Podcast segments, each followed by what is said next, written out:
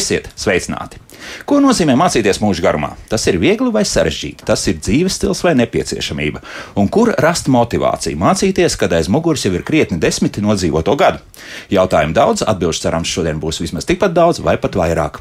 Un uz šīm, šiem jautājumiem atbildes mums sniegs eh, MOT līderības kustības vadītāja Katrīna Judovica. Sveicināti! Labrīt. Katrīna, jāizstāsta, ko tas motīvs nozīmē, jo es tā arī neatradu. Es saprotu, ka tas no svešu valodas kaut kur nāk no kādas. Ja? Mot no norvēģu valodas jā. ir drosme. Vienkārši. Mot programma jā, darbojas Norvēģijā jau vairāk kā 25 gadus.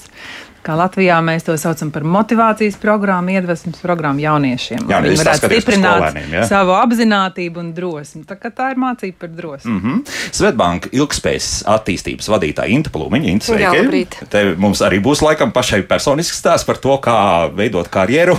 Jo, piemēram, kādreiz pirms, oi, cik daudz gadiem mēs ar Intu strādājam šeit, Latvijas radio Jā, jā šī ir tāda interesanta atgriešanās. Jā, radio bija mana pirmā darba vieta, bet Lūk, tas bija ļoti sen. Jā. Tas, jā. par to labāk neteiksim neko. Un Latvijas universitātes profesors Mārcis Sauziņš, sveicināti. Labrīt. Sākam. Inta, tev ir jāizstāsta par to, kas notiks trešdien. Tātad uh, konferences, kas ir veltīta uh, arī, nu, tā, principā, mūža izglītībai, vai mēs vēl plašāk to visu ņemam? Es ar ļoti lielu prieku padalīšos jā, ar šo ziņu. Tātad trešdienā no 9 līdz pulksten vieniem tieši raidē notiks Svetbanka nu, kopā ar ar ekspertiem šī ilgspējas izglītības konference Zinātgriba. Un Zinātgriba, man liekas, ir tas galvenais vārds, ap ko šodien es saprotu, mūsu saruna arī mm -hmm. virzīsies. Thanks. Un, uh, un es gribu mazliet padalīties ar vienu aptauju, ja drīkst iesākumā. Ļoti interesanti fakti, jo mēs februārī veicām kopā ar SKDS uh, aptauju un gribējām noskaidrot par šo te vēlmi un vispār, kas dzen cilvēkus mācīties. Un mēs šobrīd tēmējam uh, uz cilvēkiem, kas ir nevis varbūt skolas vecumā, bet tādi, kas jau ir nobriedušāki un kuri meklē, ko tad tālāk dzīvē darīt, vai vajag mainīt, vai nevajag mainīt, un tur kaudze jautājumu. Un tas interesantais ir tas, ka kādi 67% no visiem cilvēkiem mēs aptaujājām vairāk nekā 1000 Latvijas iedzīvotājus, 18 līdz 75 gadu vecumā, bija pēdējā gada laikā kaut ko jaunu mācījušies. Un galvenais, kas interesēja, bija, bija tas, kāpēc, kas mhm. dzen. Jā, kas dzen, kas ir motivācija? Jā. Un, un interesanti, ka tā motivācija ļoti augsta. Gan arī pusē parādījās tā, ka tā ir zinātnē griba. Un tā ir zinātnē, vai zinkārība arī jā, jā, kaut Aha. ko mainīt. Jā. Un, un, un, protams, ka tā motivācija ir dzīvot labāk vai mainīt labāk, un, un, un kas tas ir. Ja? Un, un tā ir personīgā izaugsme. Tas bija tāds ļoti, ļoti labs rādītājs, manuprāt, šobrīd. Un tad, tad tas, tas atgriežoties pie konferences, kuru varēs Facebook, LinkedIn, YouTube un arī Latvijas sabiedrisko mēdīju portālā varēs arī tiešraidē, tiešraidē vērot. Mēs ar, ar vairākiem nozars ekspertiem, un divi no tiem ir šeit šodien studijā. Mēs, mēs mēģināsim rast tās dažādas atbildes, kas dzen un kas vispār ir vajadzīgs un kas šodien ir jāmācās. Jo tas, laikam, ir tas lielākais, nezinu, dažiem apjukums, dažiem izaicinājums, ko tad vispār mācīties, lai paliktu nu, tajā dzīves ceļā. Nezinu, lai, jā? lai paliktu uz šoseis. Palikt uz šoseis, jā, uz šoseis. Tā, jā. Jo tas ir pats trakākais šobrīd. Jo liekas, ka tā paša chat GPT parādīšanās, šī neironu tīkla, vai kā mēs to pareizi sauksim, pēkšņi nu, tā tīri veiksmīgais starts liecina par to, ka nu, pēkšņi mums diezgan lielam, lielai tiesai arī radio iespējams darbinieki būs jāmaina sava nodarbošanās, lai vispār atrastos darba tirgo profesori, nu, kaut kas jau tur notiek. Nu, burtiski, jā, nu, mēs nezinām, vēl paies kaut kāds brītiņš, un iespējams, ka ziņas varēs lasīt dators. Uh, nu, ziņas iespējams varēs lasīt uz datora, bet man šķiet, ka tiem uh, cilvēkiem, kas grib mācīties tiešsaistē vai dažādos veidos, uh, chat GPT un tam līdzīgu intelekta, uh, mākslīgā intelekta risinājumu parādīšanās galīgi nav apdraudējums. Aha. Jo tas, ko mums var izstāstīt visi šie šie te, sākot no Google, dažādiem chatbotiem un tā, un tā tālāk, viņi var izstāstīt mums faktus. Un faktus, protams, mums mācīties no galvas nav jēgas. Un tad, kad mēs mācāmies kaut ko, piemēram, attālināti, vismaz par sevi es absolūti droši gribu teikt, ka tas nav tas, ka es uzzinātu kaut kādus jaunus faktus un tad viņus turētu prātā un kādreiz varbūt izmantotu. Es domāju, ka tas, ko mēs iegūstam mācoties, ir kaut kāds uh, skats uz dzīvi, kaut kādu lietu uh, kopsakarību ieraudzīt, ko neviens mākslīgais intelekts mums nekad uh, nepalīdzēs. Vismaz pagaidām, jā. vai, vai, es domāju, ka pagaidām ir jāsaka ar tādu. Uh, treknu šriftu, bet, bet pagaidām tādā nozīmē, ka pagaidām vilksies vismaz ļoti ilgi vai mūžīgi. Es nezinu, jo, jo mākslīgais intelekts nevienā brīdī nespēja radīt kaut kādas kopsakara ainu un tā tālāk. Mums brīžiem liekas, ka viņš ir ļoti cilvēcīgs, un man bija nesena pieredze, izstāstīšu pavisam īsi. Yeah. Es viņam pajautāju, kāds sakars Tiho Brāhem ar Latviju. Un ChatGPT man saka, ka sakars ar Latviju nav zināms. Un es viņam saku, bet klausies, es taču dzirdēju, ka Dolas salā viņš gribēja būvēt observatoriju. Un tad, kas man ļoti patika, mākslīgais intelekts man saka, atvainojiet, kungs, es tiešām kļūdījos. Oh, kas man, kas jā. man rada sajūtu, ka es runāju ar cilvēku, kuram ir emocijas, kuram ir nērtība, ka viņš ir kļūdījies, kas patiesībā ir absolūti nav taisnība.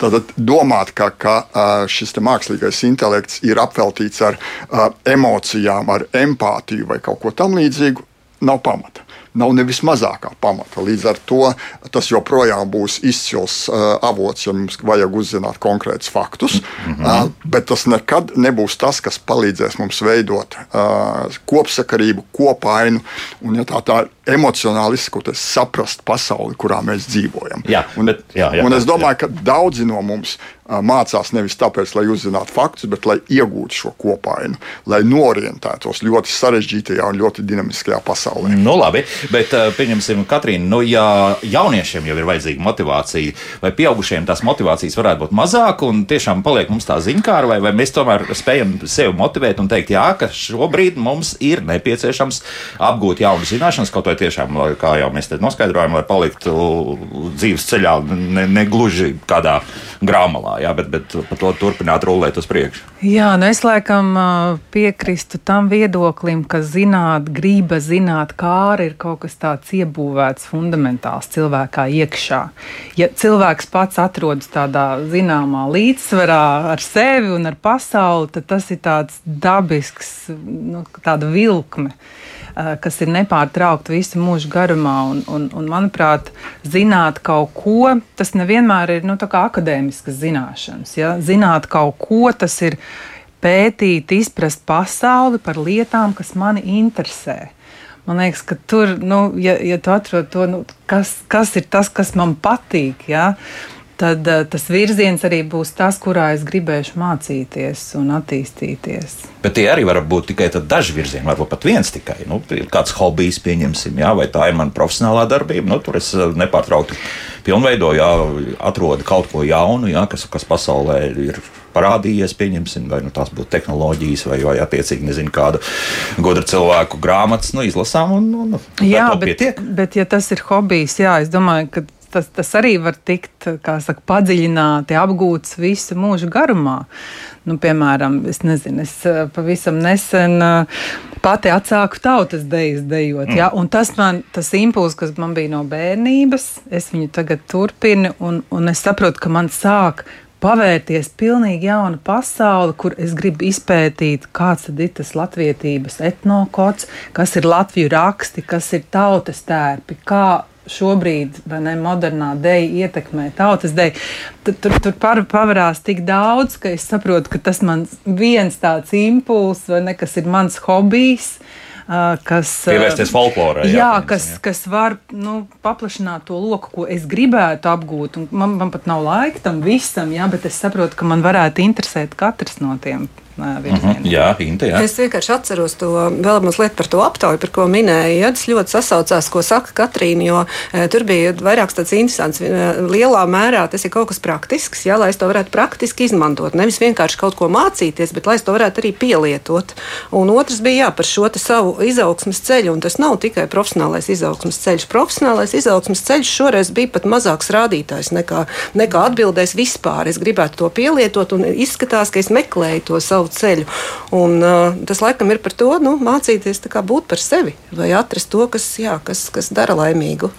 Jā, jo nu, salīdzinājot, kā, nu, kas ir jauniešiem, jaunā vecumā, liekas, nu, ka ir jāmācās. Mm -hmm. Un ir jāmācās kaut kāda izvēle, jāizdara, un bieži vien tā izvēle nu, varbūt nav tāda apzināta, bet nu, kāds iesaka, tur vecāki vai, ne, vai, vai, vai draugi un tā tālāk. Es, un tas varbūt pat, arī nepatīk. Es jā? pati sāku mācīties, tāpēc, ka jā, mani klases biedri gāja, un tas bija vieglākais ceļš, vai ne? Bet, bet jau tādā nobriedušā vecumā es domāju, ka cilvēki tiešām meklē jau tādu, kas, kas man rada prieku dzīvē, ja? Mhm, kas jā. ir tā, tā dzīves mācība. Prieku, jā, labi, jā, prieks. Man liekas, ka, ka, ka tas, kur man gribētos nedaudz citādi paskatīties, jūs tagad daliet, šī ir mana profesija un šis ir mans hobijs. Jā. Es gribētu teikt, šī ir mana dzīve, kur es dzīvoju. Aha. Un šai dzīvē es gribētu skatīties uz lietām no dažādiem skatu punktiem. No sava kā fiziķa, bet no vēl ļoti daudziem citiem skatu punktiem. Un es domāju, ka šī mācīšanās ārpus formālās izglītības sistēmas, dažādos kursos, tiešsaistes kursos, ļauj man šos dažādos skatu punktus iegūt. Un tad, kad es iegūstu dažādus skatu punktus uz pasauli, tad pēkšņi es ieraugu, ka pasaule ir daudz krāsaināka nekā no mana profesionālā skatu punkta viņi varētu uh, izskatīties. Daudz interesantāka, daudz aizraujošāka. Un uh, otrs, ko man gribētos pie tā, ko manas kolēģis uh, minēja, piebilst, ka uh, tad, kad mēs sakām, mēs mācāmies brīžiem, uh, un arī šodien varbūt nedaudz uz to pusi valka, nu, tad es iemācos kaut kādas konkrētas lietas. Es domāju, ka zināšanas nu, tādā plašā nozīmē ir daudz, daudz plašāk kaut kas. Es to definētu, ka zināšanas ir tas, kas izmaina manu skatu uz pasauli. Un, piemēram, noklausoties kādu fantastisku skaņdarbu, es varbūt citādi sāku justies šajā pasaulē. Es neko tā kā formāli neesmu iemācījies. Nav jautājumu, uz kuriem es varu atbildēt tagad, noklausoties nezinu, Mocarta rekvējumu. Uh, bet es skatos uz pasauli citādi. Sajūta man šī pasaulē ir citāda. Caur mākslu, caur glezniecību ļoti līdzīgi var būt. Jūs pēkšņi pie vienas gleznas apstājieties, kaut kas noklikšķi, un, un jūs saprotat, ka šobrīd kaut kas notiek. Tad nevis krāsu spektru mēs pētām, jā, bet, bet drīzāk par to, ko mākslinieks tajā visā iekšā. Ja? Jā, jā, un, un tādā brīdī es kļūstu nedaudz citāds. Un, un, un tas nozīmē, ka es kaut ko iespējams esmu iemācījies vārdu visplašākā nozīmē. Līdz ar to šis uh, ideja mācīties vai doma mācīties, ko tas nozīmē, patiesībā ir ļoti plaša. Tā ir vienkārši, manuprāt, daļa no mūsu dzīves. Bet tad, brīdī, kad es pārstāšu to darīt, nu, tad patiesībā es nezinu, tad es būšu vairs nekas. nekas. Vairs nekas jā. Bet kā izvēlēties, lai veidot šo zināšanu tīklu? Jo proti, mēs tiešām varam nu, uz jebkuru mūzikas skaņdarbu skatīties tiešām gan no fizikas, gan no matemātikas, gan arī vienkārši no mākslas puses. Un, un lai to saprastu, un lai visu to arī pēc tam paturētu galvā, nu, tur tomēr, nu, es saprotu, mācības spēkam visu laiku ir jābūt lietas kursā, kas notiek. Bet, bet, bet tas ir gan sarežģīti. Ja? Es teiktu, ka, ka es nepieeju atkal paturētu galvā. Es paprasīšu Google. Es Google paprasīšu faktus. Nu, labi, jā. jā. Protams, tas nenozīmē, ka, ka, ka fakti nav svarīgi. Protams, kaut kādai faktu bāzē katram no mums ir jābūt, tad mēs sākam orientēties kaut kam. Bet zināt faktus, tas nav mācīšanās mērķis nevienā brīdī, manuprāt. Šo kopsakri, kopsakarību veidošana. Tas, manuprāt, ir tas īstais mācīšanās mērķis. Mm -hmm. Un to uh, var izdarīt uh, ļoti daudzos un dažādos veidos. Un brīžiem ļoti apzināti uh, izvelkot sevi ārā no sava profesionālā vai kāda cita uh, loka. Pavisam aizejot prom, vai, vai tomēr paturot prātā, ja, ka es esmu pieņemsim, fiziķis. Ja? Es teiktu, tā, jā, sliktākais, ko es varētu darīt, es teiktu, tagad es esmu fiziķis, tagad es aizgāju nezinu, pie, uz budistu klosteru, uz meditāciju un sapratu, ka fizika ir galīgi šķērsām, ka budisms tagad ir tas īstais. Jā. Vai otrādi, es iznācu no klostera, sapratu, ka tas bija tur jocīgi, ko es darīju. Fizika ir tas īstais. Tanī brīdī, kad mēs abus un vēl ļoti daudzus citus skatu punktus spējam paturēt, kā, kā, kā veidu, kā skatīties uz pasauli. Nevis kas konfliktē, bet kas viens otru papildina. Un šo var darīt ļoti apzināti. Es nevelti pieminēju budismu. Es labi atceros, kā Kalifornijā kādu brīdi strādājot, es pirmo reizi aizgāju uz vienu tādu ļoti nopietnu ortodoksālu budismu pasākumu. Un tā pirmā sajūta ir, ko es šeit daru. Mani tur droši vien ar koku tūlīt izdzīs ārā, kā nepiederošs šai sabiedrībai. Patiesībā neviens tā nedarīja, bija taisni otrādi. Un, un tu iegūsti vēl kaut kādu veidu, saproti, kā, kā šie cilvēki skatās uz pasauli. Super, arī tā var darīt. Vēl viens piemērs, kas man personīgi ļoti ietekmē. Kā jau teicu, kādu brīdi es esmu tādā, Kalifornijā dzīvojis, Kalifornijas Universitātē Berklijā. Tur ir telegrāfa iela. Telegrāfa iela ir vieta, kur sākās hipiju kustība. Un šobrīd uz viņas ir ļoti daudz, ļoti jau tādu gados cilvēku, kas tirgojās ar visādām lietām. Man viņas gribētu saukt par hipijiem pensijām. Un nu, tu pieeji pie šiem hipijiem pensijām un sāc ar viņiem runāt. Tas ir ļoti atvērtiem cilvēkiem. Uh, jo nu, tu saproti, ka kā, fizikas profesors ir viens cilvēks, kas uz ielas tirgo kaut kādas krellītes, un viņam ir kaut kāds cits funkcijas par šo dzīvi. Un tu saproti, vienā brīdī, ka arī šāds skatu punkts ir super. Un ka viņam ir savi e, plusi. Jo nu, tu kā profesors visu laiku domā, ka šis vēl neizdarīts, tas neizdarīts, šis jāuzraksta. Tur cilvēks ir uz ielas, pārdot savus krēlītes, un vismaz no malas skatoties, viņi ļoti maz kas satrauc. Jā. Uh, viņš dzīvo tā, tā kā dzīvojās, ļaujās šim dzīves plūdumam, uh, kas atkal ir viens super skatu punkts. Jā, bet ja tu to izproti, ja no otras puses mēs skatāmies, tad ir regress pēc būtības. Jā, viņi, ne, viņi ir iegājuši savā tajā nosacītajā burbulī, un tā arī dzīvo uz priekšu. Katrs ne? mēs dzīvojam savā burbulī, un, un šis ir tas, ko es teiktu, no kā vajadzētu izmai, izvairīties. Ka redz, es esmu progresīvais fiziķis, un tur ir regresīvais budists jā. vai regresīvais uh, hipijs pensijā. Nekā tam līdzīga. Katram šim skatu punktam ir sava uh, pozitīvais pienesums, un ja viņus ir iespējams kaut kādā veidā uh, vienlaicīgi paturēt, protams, ik pa brīdim kāds teiks, nu tā tu savā profesijā neko nedarīsi nesasniegs. Tā kā nevar sadalīties simts dažādās lietās. Uh, mana pieredze patiesībā ir nedaudz atšķirīga. Es domāju, ka tā tu iegūst arī savai profesijai kaut kādu šķautni, kā tu skaties uz savām profesionālām lietām, drusku no kaut kādas citas, cita, citas perspektīvas un iegūst kaut kādas atkal jaunas kaut kādus skatu punktus un, un iegūst kaut ko jaunu priekšēji profesijas. Mm -hmm. nu, tā erudīcija. Ja? Nu, erudīcija. Tā, jā, jā, tas impulss, kas man radās, kad es Mārcis klausījos, eh, ir tas, ka mēs satiekoties viens ar otru un komunicējot, mēs būtībā arī ļoti daudz ko mācāmies. Jā, viens, ko mēs varam izlasīt Google vai grāmatā, vai, vai, vai studējot uh, akadēmiski vai savā darbā. Bet uh, es, es noteikti varu piekrist tam, ka tieši komunicējot un esot kopienā, esot viens, viens pret vienu ģimenes teiksim, attiecībās, ka tā ir viena milzīga dzīves skola, kas uh, liek mums sevi ieraudzīt citādi, kas liek mums domāt citādi, kas liek mums to pasauli un dzīvi mācīties katru dienu. Mm -hmm, jā, Intē. Es tikai par tiem skatu punktiem vēl, un ko tikko teica arī, arī runātāji. Man nesen uzdeva vienu tādu interesantu jautājumu. Man liekas, varbūt būtu interesanti dzirdēt, ko, ko domā apkārtējie šeit. Um, uh, man jautāja, kad bija vieglāk mācīties, uh, tad, kad nu, tagad jauniešiem šobrīd, uh, vai, piemēram, nu, manā jaunībā, kas jau kādu laiku, laiku varbūt pirms tam, ja? Un es nevaru atbildēt īsti uz to jautājumu, un, un tas reflektējot uz Mārča teikto par tiem skatu punktiem, ja, ka tajā briedumā tu vari pievienot vēl vienu skatu punktu klāt pievieno klāt tās krellītes vai, vai vienalga. Ja? Bet tā jaunībā tas skatu punkts vēl veidojās. Un, un jautājums, kurā brīdī, es domāju, tur varbūt ir Katrīnai kāds komentārs, jo ļoti daudz ar jauniešiem arī strādā. Kad, kad tavuprāt, vieglāk ir? Es nevaru atbildēt uz to jautājumu, jo man liekas, abās pusēs ir atbildēt. Tas ir, ka tev jau ir bāze, un jā, tu jau lietas virsū nākamo stāvu. Tu vēl ja? veidojies, mm -hmm. jā, un tev visi tie skatu punkti krīt šobrīd virsū. Tā skaitā mākslīgais intelekts, jā, jā kas nu, tas jaunums. mūžīgais jautājums, vai viegli būt jaunam, jā. Un es domāju, ka nav nav viegli būt jaunam, jo skaidrs, ka gribas visu to pasauli iemācīties un apgūt, ja, un ir tik daudz ietekmes no, no ārējās vides, ja, un, un, un veidot sevi un būvēt sevi. Es domāju, ka tie jaunieši, kas tagad ir jaunieši, viņi visticamāk, nu, tad, kad būs mūsu gados, tad viņi varēs reflektēt atpakaļ un pateikt, kā viņiem bija. Bet tas, ko es varbūt varu salīdzināt, ka es biju ne, tajā tīņu pusauģu vecumā, Es domāju, ka man nebija tās brīvības sajūtas tik lielas, ja, kad šobrīd tomēr tā pasaule ir daudz atvērtāka, daudz pieejamāka.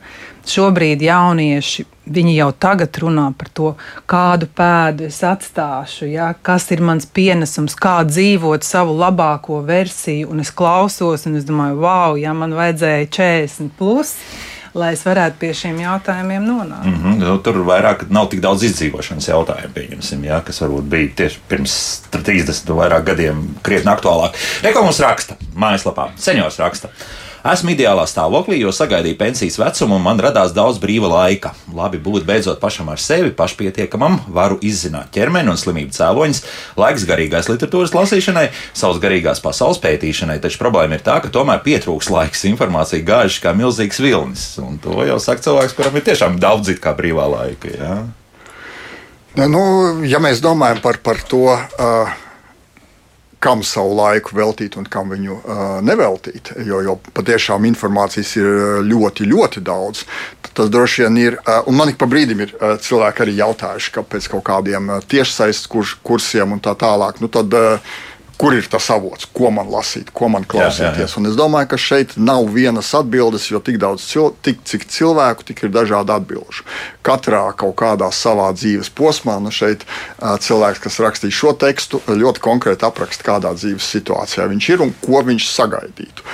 Un, un, un otrs droši vien ir tas, cik mēs esam katrā brīdī gatavi kaut kādas jaunas lietas uztvert un kādā līmenī viņas uztvert. Līdz ar to nevar pateikt, ka redziet, šeit ir platforma Coursera, piemēram, un tā ir vienīgā, no kurienes jums būs smelties informācija. Bet tas, ko es domāju, ka noteikti un visos laikos, un katram cilvēkam ir svarīgi apzināties, ka ja mēs gribam kaut ko patiešām iemācīties, vienalga tiešsaistē, kursos, no grāmatām, ka tas prasīs laiku, tas prasīs noteiktu piepūli un darbu. Jo cerēt, ka es pirms gulētiešanas paskatīšos kaut kādu pirmo YouTube, ko es iegūlējuši par attiecīgo tēmu, un tagad es būšu vietas un gudrs. Tā parasti, ja? tā parasti nenotiek. Uh, ir jāatrod resursi, kas šobrīd uzrunā mani. Tāpat kā uh, skolā mēs zinām, ka viens skolotājs man šķiet super, un otrs varbūt patiesībā tikpat profesionāls skolotājs man netrāpa. Nu, es kā skolnieks ar viņu man neizveidojās nu, kaut kāda tāda ciešā saite, lai tas, ko viņš teiktu, es ļoti personīgi uztvertu. Tāpat ir ar visiem uh, grāmatām, kursiem un tā tālāk. Un es domāju, ka katrs, kas šo ir mēģinājis iet cauri, atrod, ka no ļoti daudzām grāmatām vienu viņš ir ielasījis par šo tēmu, un viņi ir kļuvusi par viņa galda grāmatu gandrīz. Un tad tu sāc lasīt citas grāmatas par to pašu tēmu, un ieraugi, ka tur ir gandrīz tas pats, varbūt nedaudz citiem vārdiem. Vienkārši šī atnāca pie manis, un šis bija mans tas, tas, tas ceļvedis, kas man attiecīgajā tematikā ieveda. Uh, un tas ir ļoti, kā es teicu, grāmatas dažas ar mums runā un dažas ar mums nerunā. Tā dzīvē ir tāpat, kā daži skolotāji mums runā, un daži skolotāji mums nerunā. Nevis fiziski nerunā, bet mēs grūti uztveram to, ko viņi uh, grib mums paust un teikt. Bet, jebkurā gadījumā, tad, kad mēs esam atraduši savu grāmatu, savu skolotāju, savu tiešsaistes kursu, ir jāsaprot, ka tad, tad tas ir jādara vairāk vai mazāk sistemātiski, veltot tam uh, un veltot tam laiku. Ja mēs to darīsim, tad no tā būs rezultāts tas, ko es iesākumā teicu, es kļūšu kaut drusku citāds cilvēks. Pirms gulētiešanas noklausoties dažus YouTube, visdrīzāk es no rīta pamodīšos un es īsti neatcerēšos, ko es tur vakar darīju. Tās, ja? Bet šeit arī nu, tā kritiskā domāšana ir jāieslēdz, jo nu, var patrāpīties ļoti laba grāmata, kur viss ir it kā labi aprakstīts, bet iespējams, ka tas vēl nu, nav tas pareizais ceļš, uz kurien iet. Uh, nu, Absolūti noteikti. Un es domāju, ka tāpēc no mana viedokļa, varbūt šeit es kļūšu nedaudz, kā lai to saka, savas nozares aizstāvis. Jā. Man šķiet, kāpēc es saku, cilvēkiem vajadzētu mācīties kvantu fiziku. Droši vien nevis tāpēc, ka, ka, ja jūs nezināsiet kvantu fiziku, jūs kaut ko dzīvē nevarēsiet izdarīt, bet tādēļ, ka fizika kopumā un kvantu fizika māca domāt ļoti abstraktos veidos, un es te varētu, mums tagad nav laika iziet cauri ķēdītei, kā mācoties fiziku no mehānikas, klasiskās Newtona līdz kvantu mehānikai. Mēs aizvien kāpinam abstrakcijas līmeni un sākam saprast, kas ir šķietami neiespējams, bet tomēr iespējams, ka Šrēdinga kaķis var būt dzīves un, un miris vienlaicīgi, bet patiešām loģiski var tā būt. Un ir kaut kas, kas ir vienkārši uh, muļķības. Uh, un, un neviens uh, chatbots, neviens uh, platforma, kas ļauj mums faktus pārbaudīt, mums nepalīdzēs izvairīties no viltus ziņām tik ilgi, kamēr mums neradīsies šī iekšējā sajūta, uh, kad mēs spējam novērtēt, kas ir revolucionārs, traks, bet varbūt tomēr iespējams, un kas ir vienkārši muļķības un kuram laiku veltīt nav uh, jēga jēgas. Mēs vienkārši nostīsim laiku. Jo vēl jau viena lieta ir, tad, kad mēs runājam par visu šo mācīšanos, laika mums ir tik daudz, cik viņi ir. 24 stundas dienā, no kurām kaut kādas jāvelta vēl citām dažādām lietām. Nu, vismaz desmit. Jā. Līdz ar to skaidrs, ka pavisam noteikti mums laika pietrūks. Un līdz ar to saprast, kuras ir tās prioritātes, kurš ir tas skolotājs, kurā ir vērts klausīties un kuram ir vērts savu laiku ziedot un no tā cerēt iegūt rezultātu. Un kas ir vienkārši tukša laika nosišana. Vieglāk nepalika. Jā. Es jums teikšu, vieglāk Nē, nu nepalika. Es, jā, es, es, nu, tas apjoms, protams, ir liels, bet es, es ieteiktu te, nu, tādu drosmi pateikt, nē, ja? ka tomēr nu, sajust, kas ir tas. Uh, nu, vilkme, uz kuru skolotāju vai uz kuru tēmu ļoti skaidri izvēlēties tiešām un sākt šķetināt pa vienam solītim. Ja, ja kungam interesē, piemēram, ķermenis, ja, tad sākt ar šo tēmu, pajautāt kādiem domu biedriem. Ļoti vērtīgi ir tiešām atkal, ja ir kāds, ar ko aprunāties, ja ir kāds, kas jau. Uh, tajā virzienā domā, uh, kas, kas ir tas, ko varētu ieteikt. Pārunāt. Jā, jo Te ir viena vien nianse, mm, kur eh, es atceros, nu, pirms krietniem gadiem jau raidījumā Monopols viesojās kādreiz ļoti labi pazīstams basketbolists. Tagad baidos vienkārši samalot, kurš no viņiem tas bija, bet viņš pateica tādu ļoti tādu interesantu, tādu nožēlu, tādas faktiski pāris teikumus, bet kas, kas, kas raisīja manī liels pārdomas. Proti, viņš teica, ka savulaik viņam dzīvē vienkārši nav gadījies sastapt cilvēks, kurš būtu viņam izstāstījis kaut kādu filozofijas pamatu.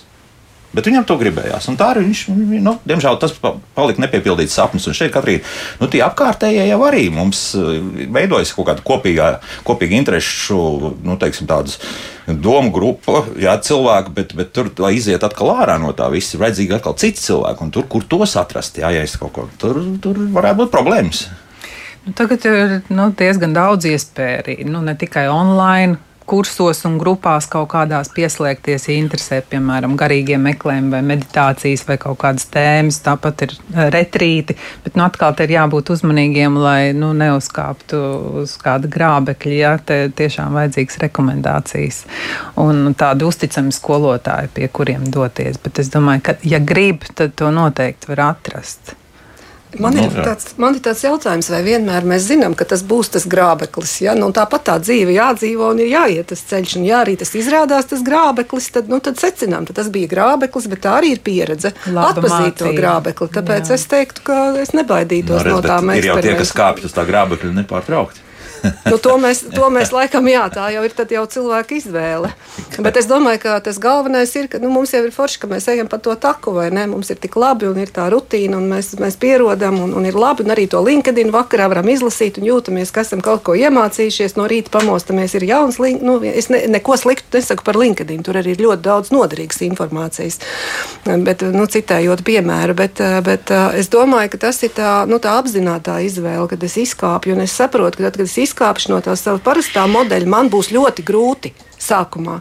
Jo droši vien tās tautas dejas, ko, ko pieminēja, tas pirmais mēģinājums droši vien nebija tas dancis tik veiksmīgs, kā varbūt pēc kāda laika. Dejas ir viens, bet tālāk vēl par tiem tērpiem un to interesēšanos. Tur arī starp citu vēl nu, izdodas atrast to informāciju pietiekam daudz.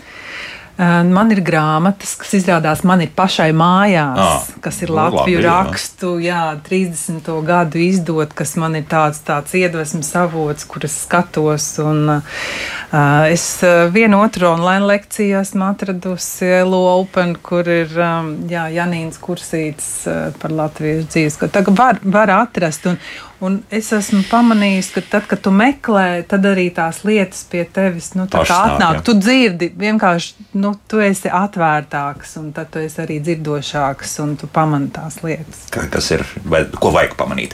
Laiks muzikai, pēc muzikas uh, turpināsim lasīt arī to, ko mums radioklausītāji ir atsūtījuši. Arī tur mums ir zināmas pārdomas, un, protams, arī turpināsim sarunu šeit pa studijā. Būsim atpakaļ pēc 3,5 minūtēm. Kā labāk dzīvot? Dzīvot šodien mums tāds pamats šai sarunai, par ko mēs šodien runājam, ir trešdienas konference, kur varēs tiešsaitē arī LSMLV, tad, uh, klausīties un skatīties visdrīzāk. Jā, un arī visos uh, Svetbanka sociālajos tīklos. Tātad, uh, jā, arī varēs sekot līdzi gan mm. Facebook, gan LinkedIn, gan, gan, gan arī YouTube. Mūžīgais jautājums - motivācija. Kāpēc mums būtu jāmācās? Pat ne jāmācās, jāapgūst zināšanas. Mēs pat vairāk iesim uz to visdrīzākais. Jā. Jā. Jā. Es varbūt gribu vēl pieminēt par šo pasākumu, ka šeit ir tikai divi no mūsu runātājiem, bet, bet tur būs arī krietni vairāk. Es domāju, ka varbūt var ieskatīties arī programmā, bet tas galvenais galvenais ir šajā konferencē ir cilvēki, kuri es uzskatu e, ne tikai paši mācās, bet arī spēja transformēt e, vidi sev apkārt un, un, un lielā mērā. Un ļoti dažādi runātāji konferencē būs, e, jo ir pirmajā daļā tātad mums ir četri, četri galvenie runātāji, divi no tiem sēž šodien studijā, un vēl ir Baiba Moļņika un arī Ingemārs Pūķis LMT un UNESCO vadītāja. Un, un otrajā daļā mums ir arī diskusija, visu šo pasākumu vadīs Gunārs Rēders, kas ir nu, arī pietiekami krietni, kā lai saka. Nu, Latvijas radio viens klausītāji viņu dzird diezgan regulāri. Jā, regulāri, un es domāju, un redz, ka arī pietiekami, domāju, pietiekami būs izaicinošs moderators, un otrajā daļā mums ir diskusija par to, un atkal citi četri runātāji, tā kā es teiktu, ka tie ir patiešām, es uzskatu, cilvēki, kas spēj būtiski transformēt citus sev apkārt. Uh, Un es pieļauju arī paši veikuši savu transformācijas ceļu un arī mācījušies. Es eh, gribētu šeit eh, apgalvojumu izteikt. Līdz ar to tiešām mudinu, mudinu visus šai konferencē pieslēgties. Manuprāt, kā varētu būt jaudīgs, nevis varētu būt, bet noteikti būs jaudīgs un, un pamatīgs saturs. Un šīs, in, šīs sarunas mērķis īstenībā jau ir, ne, mēs jau neatrisināsim to personīgo jautājumu katram, bet mēs varbūt ļausim no tiem dažādiem skatu punktiem paskatīties un iedosim tādu iedvesmas spērienu tiem, kuriem vajag vajag varbūt, eh, nu, kā lai saka, savu to vieglo grūdienu, to, to vieglo grūdienu vai arī kā pārliecību, cik labi, jā, es to daru, jo, jo, jo skaidrs, ka mums arī vienam otru, nu, otru ir jāiedvesmo tajā ceļā, jo nevienmēr tie pagrieziena punkti ir vienkārši un, un dažkārt tur ir pavisam, pavisam dažādi akmeņi ceļā. Mm -hmm. Bet noteikti tas ceļš ir ejams. Nu, labi, sākam klausīties arī klausītājs. Kāds klausītājs mums ir piezvanījis? Lūdzu, jūs varat runāt. Jūs man dzirdat? Ja? Jā. Man paldies par raidījumu, ļoti saistoši un interesanti. Man jautājums būtu cienījumam profesoru kungam. Kāds, jūsuprāt, būtu cilvēka mācīšanās galamērķis? Nu, cilvēks it kā dzīvo, mācās, daudz pieredzes iegūst, un, un tad beigās viņa mūžs tomēr noslēdzās. Vai ir kaut kāds augstāks mērķis, vai ir kaut kas, kas cilvēkam būtu mūža laikā jāiemācās, jūsuprāt? Labi, paldies. paldies. Ļoti labs jautājums. Jā. Es saprotu, ka mūsu klausītājs ir to arī uzrakstījis mājaslapā, bet nu labi. Ko šo jautājumu var dažādi atbildēt. Un daži, no, no viena skatu punkta es domāju, ka es uz viņu jau mēģināju atbildēt. Man šķiet, ka mēs gribam, lai mūsu dzīve ir piepildīta. Tas varbūt izklausās nedaudz egoistiski no sava skatu punkta, bet es gribētu teikt, ka, ja man būs interesanti dzīvot, tad iespējams, ka es saviem studentiem šo interesi par dzīvi varēšu nodot. Tad iespējams, dažādās sarunās, tā skaitā tādā kā, kā šodien šī. Būs kaut kas, ar ko es varēšu būt interesants gan eh, studijā esošiem kolēģiem, gan iespējams radioklausītājiem. Man gribētos tā cerēt. Līdz ar to es domāju, ka, ka uh, mācīšanās mērķis priekš manis vienmēr ir bijis. Uh, nu, no vienas puses tas skanēs tā ļoti pacelāt, jeb paaugstināt, padarīt sevi par labāku cilvēku. Un no otras puses, padarīt manu dzīvi interesantu, krāsainu, piepildītu, aizraujošu priekš manis. Un, kā jau teicu, ka ja nu, es esmu pasniedzējis. Ja skolotājiem, pasniedzējiem auditorijas priekšā nedegs acis par to, ko viņš stāsta, lai cik viņš erudīts nebūtu, lai cik viņš perfekti nezinātu dažādas pedagoģijas metodes. Klasē aizmigs visdrīzāk. Ja pasniedzējs iespējams nebūs perfekts no šiem te, formāliem viedokļiem, bet viņam pašam būs interesanti tas, ko viņš stāsta, viņš būs aizrāvies ar to, ka, ko viņš stāsta, tad iespējams, ka arī klase un, un, un auditorija pavilksies līdzi. Tā kā var, varbūt tā es to mhm. varētu uz to atbildēt. Bet sākt ar to, ka tu vari tā tīri egoistiski apgūt pašam priekš sevis šīs zināšanas. Jā, zināt, kādas dēļ mēs to nenoliedzam. Jā, tā, tas pavisam, ir. nu, es pavisam noteikti nebūšu tik, tik kā lai to sakot, ka nē, nē, tas tikai priekš citiem. Jā, tas ir pirmkārt priekš sevis. Ja es nemīlēšu sevi, tad diez vai eh, es varēšu būt interesants priekš citiem. Eh, līdz ar to tas, tas ir, protams, priekš sevis tikai ar vārdu zināšanas. Es gribētu, lai mēs viņu saprastu ļoti uh, plaši. Tā, tā pavisam noteikti nav konkrēta faktu uh, apgūšana. Uh, jo man šķiet, ka cilvēki vispār, ja mēs tā ļoti schematiski gribētu runāt, iedalās divos uh, tipos. Vieni, kas zina, uh, un, un tad, kad man uzdod kādu jautājumu, tad es sāku domāt, kur es to esmu lasījis, kāds, kāds ir tas fakts. Varbūt man uh, Google jāpajautā. Un tie, kas domā, uh, un patiesībā es starp studentiem to ļoti redzu. Otrs saka, man nekas nav jāmācās, es esmu gudrs, es visu izdomāšu. Uh, un un uh, neviens no viņiem īsti labi ne, nespēja uh, orientēties sabiedrībā vai, vai dzīvot pilnvērtīgu dzīvi tajā brīdī. Un tādu nav nemaz tik daudz, kas abas šīs lietas spēj sevi apvienot, ka ir kaut kāda faktu bāze, bet tālāk es ļoti kritiski uz viņiem skatos un skatos, ko no tā var izsecināt. Tad, kad man uh, ziņās izlasa kaut kādus faktus, tad es uzreiz domāju, kā viņi ieliekās kopējā kontekstā un kopējā manā ainā, vai viņi tur ieliek, ie, ie, iebūvējās, un tad es viņiem ticu, vai es redzu, ka viņi patiesībā tur nekādīgi neiebūvējās apmeklējis. Vai nu viņš ir izrauts no konteksta, vai tā vienkārši nav patiesība. Un man uzreiz radās aizdoms, ka man vajadzētu papētīt, vai šis apgalvojums patiesībā ir taisnība. Jo viņš tā kā manā ainā, kā šī lieta funkcionē, nezinu, kā politika Latvijā funkcionē, kā ekonomika funkcionē, kā pasaule kopumā funkcionē, vai tas iebū, iebūvējās manā ainā vai nē. Un, ja es šo faktuālo, faktisko daļu, faktu daļu spēju savienot ar tādu uh, spēju viņus analizēt un iebūvēt ainā, nu, tad, tad, tad, tad ir uh, rezultāts rezultāts. Man šķiet, ka tas ir tas, ko mums katram priekš sevis ir vērts piedomāt, vai mēs šādi uh, domājam par lietām. Un droši vien, ka, ka, ka tad, kad mēs kādam kaut ko mēģinām iemācīt, tad arī ne tik daudz faktus vai fakti tikai kāds pērienu punkts, bet šo kopējo ainu iedot. Jā. Tad pašpietiekamība ir stagnācija, bet tiekties uz pašpietiekamību, apz, apzinoties to, ka es turpinu mācīties un it kā sevi pilnveidot, to tas gan, tas ir labi. Ja? Tā var teikt. Katrai. Nu, jā, es, es teiktu, tas mērķis ir nu, pati dzīve nu, savā ziņā. Jā, jā. Um, ja tas mērķis ir, nu, lai es dzīvotu savu tādu nu, priecīgu, laimīgu dzīvi, nu, tas ir tas, pēc kā mēs katrs tiecamies, vai ne? Nu, um, Bet tad vienmēr ļoti, ļoti grūts jautājums, kas tad ir tā laimīgā dzīve. Ja? Nu, priekš manis tas noteikti ir tas tāds, tāds gudrs uh, līdzsvars, ja? ka es ka es meklēju sevi caur, caur mācīšanos, caur citiem cilvēkiem. Tas ir mans impulss, bet tā otra daļa, to jau es tikai varu pielikt no sevis. Tā ir mana iekšējā pasaule, ko es dzīvoju. Tā ir tā mhm. mana pasaules zināšana, ko es varu aptvert. Un tajā brīdī, kad es esmu um, nu, saskaņā, līdzsvarā ar sevi, tad, tad man arī deg acis, tad es arī varu iedvesmot citus. Un, un man tāda pilna pārliecība ir par to, ka katra tā mūsu dzīve ir tik unikāla un, un tik īpaša, tik skaista, bet mēs esam vienlaicīgi arī ļoti saistīti ar citiem cilvēkiem un ka mēs, ka mēs dodam viens otram tos impulsus. Un tie impulsi savukārt uh, var palīdzēt citiem cilvēkiem uh, viņu dzīves ceļā iet. Jā, tā kā nu, nebūt arī tik iedomīgiem, ka es nu, varu pārmainīt pasauli visu. un visu. Jā, un, un, un, un, un, bet uz to vajag bet, tiekties. bet, eh, bet, bet tas, ka es varu pārmainīt pasauli caur to veidu, kā es iedodu to impulsu citiem, kā es varu ietekmēt apkārtējos. Nu, vēl viena klausītāja paklausīsimies. Lūdzu, jūs varat runāt? Labrīt! Labrīt. Pēc manām domām galvenais mērķis varētu būt tomēr izdzīvošana, un dzīvošana harmonijā, un tā to zināšanu nodošana nākošajai paudzei. Labi, paldies! Jā. Jā, jā, jā.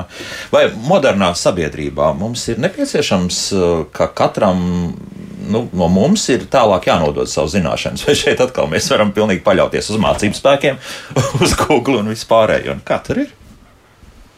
Ko? Nu, es jautā, jautātu, ko mēs saprotam, nodot zināšanas tālāk. Nu, neapšaubāmi, es domāju, ka mēs dzīvojam sabiedrībā. Yeah. Uh, lielākai daļai no mums ir ģimenes bērni, mazbērni un tā tālāk. Līdz ar to, gribot, negribot kaut kādu savu skatu uz pasauli, mēs viņiem Uh, nododam tīri ar, ar to, ka mēs kopā um, dzīvojam, ko, kopā kaut kādas lietas darām. Ļoti, ļoti bieži nevis apzināti mācot, ka nu, dari šitā, tā ir pareizi un šitā darīt ir nepareizi. Nu, tā tās lietas nestrādā visbiežāk. Bet tas, ka mēs uh, kopā kaut kādas lietas darām, skatāmies uz pasauli, un, un tā kā jūs teicāt, uh, kas skan atkal tā nedaudz um, trafareti, bet patiesībā ļoti dziļi un patiesi, ka vērtības sistēma katram mums ir kaut kāda tādas lietas, kuras mēs sakām, nu, ši, šis ir tas, no kā es nekad neatkāpšos. Nu, šī ir kaut kāda daļa, kur mēs varam vienādi domāt vai citādi domāt par šīm lietām. Un šādā veidā es domāju, ka nu, tik ilgi, kamēr mēs nedzīvosim vienatnē meža būdiņā, tik ilgi mēs uh, no cilvēkiem kaut ko ņemsim nepārtraukti un uh, ar kaut ko dalīsimies ar cilvēkiem. No, nu, labi. Tagad uh, Arnolds mūs tūlīt nolaidīs uz zemes, respektīvi ar savu komentāru. Proti, uh, Arnolds saka, ar tehnoloģiju attīstību mums īpaši valstī neveic uh, arī izglītība, jo gan forma, gan saturs neko nesacina no sliktās Covid pieredzes, un uh, nodarbinātības valsts aģentūra turpina ražot attālinātos kursus, kur kvantitāte nepārauga kvalitātē. Mašīna intelekts jau tagad spēja tehniskas lietas, kā kombinācijas nozars atrast pareizās kombinācijas, un esot jau pirmais prototyps, kuros bioloģiski neironi apvienot ar mikroshēmām, kas līdz kva uh, ar kvantiem vēl vairāk paplašinās iespējas, respektīvi joprojām mēs atkal atgriežamies pie tā mūsu pašas sarunas sākuma sākumu par to, ka lūk, dators principā daudz ko darīs mūsu vietā. Nu, dators daudz ko darīs mūsu vietā, bet es do, gribu vēlreiz uzsvērt, ka mūsu uh, pārspīlēta, pārspīlēta pozitīva attieksme pret uh, mākslīgo intelektu ir pārspīlēti pozitīvi. jo mēs ik pa brīdim, tā skaitā, var būt zināma fantastikas romāna ietekme un tā tālāk. Baidamies, ka mākslīgais intelekts pēc kāda brīža teiks, ka es taču esmu gudrāks par tevi, kāpēc man ir jāatbild uz taviem jautājumiem, kāpēc man tev ir jākalpo, varbūt tev ir jākalpo man. Un mēs zinām gana daudz romānu par, par šādu, nu, teiksim, tāds um, kulta romāns Douglas Adamsa uh, stopotāja. Uh, Mm, piezīmes ceļā galaktikā. Es neprecīzi iztulkoju, bet apmēram tā viņš saucās. Tur ir tāds uh, robots Mervins. Robots Mervins, tad, kad viņam viņa uh, saimnieks saka, vai tu nevari uzvārīt man tēju, parasti tā hipohondriski ilgi un dikti gaužās. Viņš saka, nu, klausies, tu taču zini, ka es esmu desmit reizes gudrāks par tevi. Nu, ja tu gribi, es tev uzvārīšu, protams, to tēju. Tas, ko es gribu teikt, piešķirot šīs te, uh, cilvēciskās uh, īpašības, īpašības uh, mākslīgam intelektam, mēs patiesībā pārspīlējam. Mākslīgais intelekts ir datorprogramma bez emocijām. Tas nenozīmē, ka ar viņu ir jāizturās ļoti, ļoti uzmanīgi. Jo, ja ir vēl viens piemērs, um, um, bija, bija Dena Brauna romāns sākotne, kur bija galvenais personāžs. Viņam bija mākslīgais intelekts asistents. Asistentam bija uzdevums uztaisīt milzīgu publisku attiecību kampaņu, jo viņam bija tur kaut kāda ideja. Un izrādījās, ka šo galveno varoni kāds grib nogalināt. Un tādā galvenajā pasākumā viņi arī nogalina. Un izrādījās, kurš to ir izdarījis, mākslīgais intelekts. Viņa tas virtuālais asistents. Varētu domāt, ka asistentam bija zops uz viņu, nekā tam līdzīga. Virtuālais asistents vienīgais, kas zināja, ka viņa saimniekam ir atlicis dzīvot dažas nedēļas. Viņš ir neglābjams slims. Un viņš izrēķināja matemātiski, ka nu, cilvēks nodzīvos dažas nedēļas mazāk. Nu, nekas traks taču nenotiks jā, tā, tā formā. Bet, bet, kampaņa būs ar pavisam citu skanējumu. Ar to es gribu teikt, ka tas, ko mēs kādreiz uzdodam šai datorprogrammai darīt, mēs nevien, nevienmēr līdz galam apzināmies sekas. Un, un prognozēt sekas nevaram. Kā viens no ļoti, ļoti, ļoti jaudīgiem mākslīgā intelekta speciālistiem, mans kolēģis Kalifornijas Universitātē teica, šeit ar mākslīgo intelektu parasti ir tā, tāpat kā zelta zīltiņa. Mēs viņai, kur jums piedāvā trīs vēlēšanās. Pirmās divas mēs viņai uzdodam, un trešā vēlēšanās ir zelta zīltiņa. Lūdzu, atcel manas divas iepriekšējās, jo viņas ir visas salaidušas totāli grīstē. Ar, ar mākslīgo intelektu brīžiem var notikt līdzīgi. Līdz ar to ar viņu ir jāizturās ļoti uzmanīgi, bet uh, cerēt, ka, ka viņš darīs uh, intelektuālo darbu mūsu vietā, nu, viņš to nedarīs. Un vēl, vēl vairāk pasaule mums ir interesanta, tāpēc, ka mēs esam emocionāli.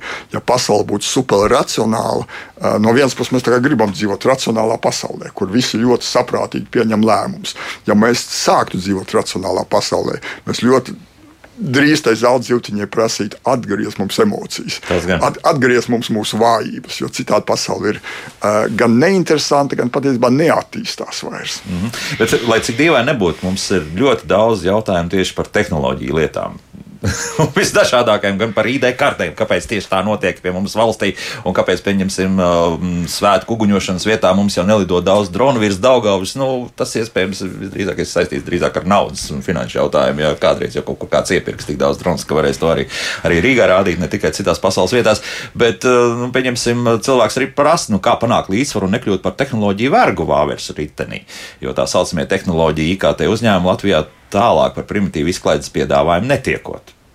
Jā, nezinu, man tā liekas, ka tā gluži nav, bet nu, tā cilvēks uzskata. Man liekas, ka, līdzsvar, plānu, man liekas ka tas līdzsvaru jautājums šobrīd ir vislielākais izaicinājums katram. Ja šeit klātesošie var, var teikt un apliecināt, ka viņiem tas ir pilnīgi izdevies, tad, tad es noliekšu galvu jūsu priekšā, jo mm. man šķiet, ka tas informācijas apjoms un daudzums un tas mācīšanās pieprasījuma ātrums, ja šobrīd, ja apgūs ātrums, viņš ir, nu, vismaz man šķiet, ka viņš pieaug. Un tad ir, tad, tad ir laikam tas, tas atlases moments, ja, vai, es, jā, vai es to pirms vakara izlasu to, kā jūs teicāt teicāt, ātrā romānu, ja? vai kaut ko kādu informāciju, vai es atsakos no viņas. Nu, man, man tas līdzsvar punkts ir tas, ka es sāku izvēlēties, un es iemācos arī mācos lēnām pateikt arī nē kādai informācijai vai arī pratībai. -hmm. Par labu kādai citai pratībai, jo laiks ir tik, cik viņš ir. Te vēl viens labs komentārs. Ja zemnieks mums uzrakstīs, dzīvoju meža mājā. Viņš raksta, internets man rada ilūziju, ka var mācīties datorā un ka man apkārt ir sabiedrība. Kad izslēdz, tad esmu viens. Arī zināšanas, ko redzēju datorā, ir, bija pretrunīgas. Bieži tas, tās sasniedza cilvēku, kur vēlējās tikt uzrunāt to, kas viņos uzkrājas. Izrunāt to, kas viņos uzkrājies. Nu, jā, arī tas ir. Jā, nu, Es gribu arī nu, piebilst, ka šis laiks vispār ir ļoti trauksmīgs laiks. Es domāju, ka to jebkurš var uh, teikt, ja, ka to līdzsvaru saglabāt ir grūti, tāpēc ka ir uh, ārējie faktori, globālie faktori, neziņa par to, kas vispār nākamais solis, kas būs man kā cilvēkam, kas būs mums kā cilvēcei. Ja? Un tādos apstākļos, protams, to līdzsvaru balansēt, eh, es teiktu, tā vientulība ja? un padzīvot meža maiņā, tas noteikti ir tas, kas eh, palīdz nu, pabūt ar sevi un to iekšējo mieru kaut kādu uzkrāt. Nu, ja un arī, labi, ka izslēdz, ka arī, izslēgt, izslēgt, ja? un es teiktu arī uzticēties nu, sev un tai savai iekšējai gudrībai un arī atgādināt sev, es neesmu tikai fiziski fiziskais ķermenis, es neesmu tikai prāts, un mēs kā cilvēki esam daudz, daudz kas vairāk, ja to, to garīgo dimensiju ieslēgt sevī, ja, un, un, un to iekšējo pasauli. Um, jo, jo to līdzsvaru, nu, man pārliecina, to, to līdzsvaru tikai mēs iekšēji varam. Ja, mums neviens no ārpuses nevar iedot uh, to zelta zīltiņu, pateikt, re, kur tev te būs līdzsvars. Nu, kāds teiks, ka speciālists esot, bet tā ir cita diskusija. Tā, Inta vēl prasa, kad tieši būs konferences, cik rīkos un kur pieslēgties. Jau pārējo visus jā. dzirdēsiet jau tur. Jā. jā, ja kāds varbūt pieslēdzās mazliet vēlāk jā. šodien, tad vēlreiz 29. martā pulksten 9 līdz pat pulksten 1 tiešraidē eh, gan eh, Svetbanka Facebook kanālā, LinkedIn kanālā, YouTube kanālā, gan arī LSM eh, portālā varēs tiešraidē tieši klausīties mūsu ekspertus un sarunu. Divas daļas sarunai, tātad četri eksperti ar, savām, ar savu diskusiju, ar savu, ar savu stāstu. Ļoti dažādi stāsti, bet nestāstīšu to, jo tā ir no jā. konferences diena. Un otrajā daļā uh, diskusija vēl no, no citiem ekspertiem, uh, kuri tad arī meklēs atbildes uz šiem jautājumiem, kā tad mums kopā, kā tu teici, uh, nu, es negribu vēlreiz atkārtot, bet palikt uz šoseis, bet kā iet to savu dzīves ceļu būtībā maksimāli labākajā versijā katram priekš sevis. Un, un ja katrs dabūs to impulsu un spērienu, tad es teikšu, ka Viss būs labi. Būs atkal viens. viens un viens, neziņas būs mazāk. Jā, neziņas būs mazāk, un, un, un mēs būsim kaut ko jaunu visi kopā viens otram iedevuši. Mm -hmm. Svetbanka ilgspējas attīstības vadītāja Inte Plūmiņa, Latvijas Universitātes profesors Mārcis Sauziņš un motu līderības kustības vadītāja Katrīna Judovics bija šeit studijā kopā ar saviem mūsu radioklausītājiem. Paldies par sarunu. Tālākais jau viss trešdien. Bet es vēlreiz atgādinu, ka Latvijas radio viens mājaslapā jau pirmdienas vakarā būs viena anketa, ko lūdzu aizpildiet. Sevišķi jūs uztrauc tas, kas notiek jūsu daudz dzīvokļu namā, respektīvi par pārbaudēm un par pārbaudēm un padziļinātām pārbaudēm rīt raidījumā. Jaukdien visiem un tā!